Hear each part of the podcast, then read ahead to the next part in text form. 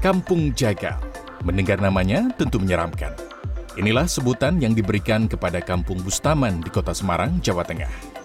Jagal yang dimaksud di sini adalah tukang sembelih kambing yang jadi profesi mayoritas warga di kampung ini. Nama Kampung Bustaman sendiri diambil dari seorang kiai setempat di abad ke-18 yang bernama Kiai Kertoboso Bustaman. Nama Kampung Bustaman tidak asing di kota Semarang. Kampung Bustaman dikenal menjadi sentra gulai kambing maupun sapi kambing. Dalam sudut kota kali ini, kami akan mengajak Anda untuk mengunjungi atau melihat Kampung Bustaman yang dikenal sebagai Kampung Jagal. Apa itu Kampung Jagal? Kita ikuti.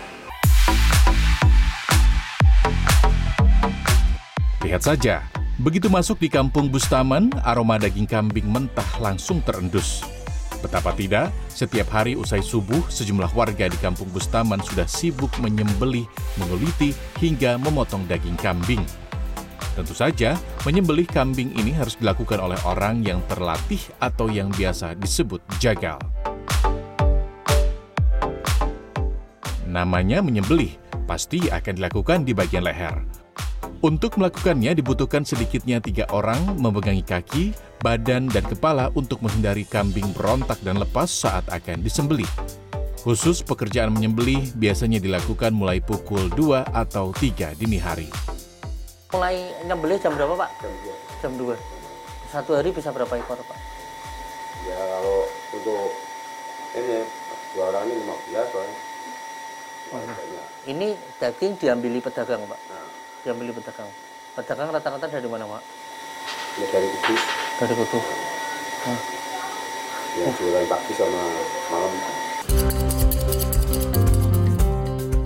Sayangnya pemandangan penyembelihan kambing di kampung Bustaman ini tak seramai di era tahun 80-an. Dari sekitar 20-an orang saat ini di kampung Bustaman hanya tertinggal tiga orang yang masih meneruskan usaha keluarga pada jasa penyembelihan kambing.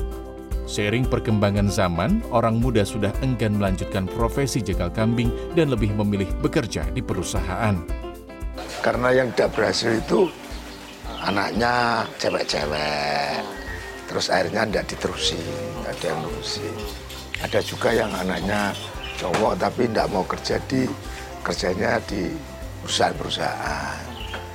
Nah itu akhirnya ada yang berhenti juga tidak melanjutkan ke perkambingan.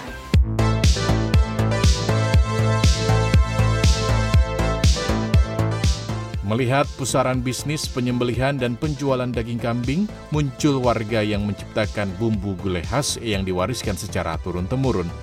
Keberadaan bumbu gulai ini ternyata ditangkap warga pendatang atau boro yang berjualan gulai kambing keliling dengan menyewa rumah warga kampung Bustaman.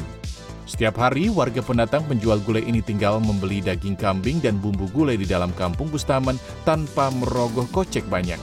Bahkan, pembelian daging kambing di kampung Bustaman ini dapat dibayar setelah mereka pulang berjualan.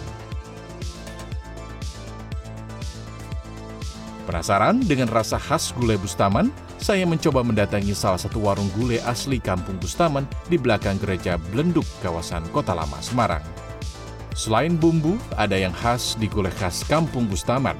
Gulainya tak memakai santan dan meski bumbu dasarnya sama, tetap ada perbedaan rasa antara penjual gulai satu dengan lainnya.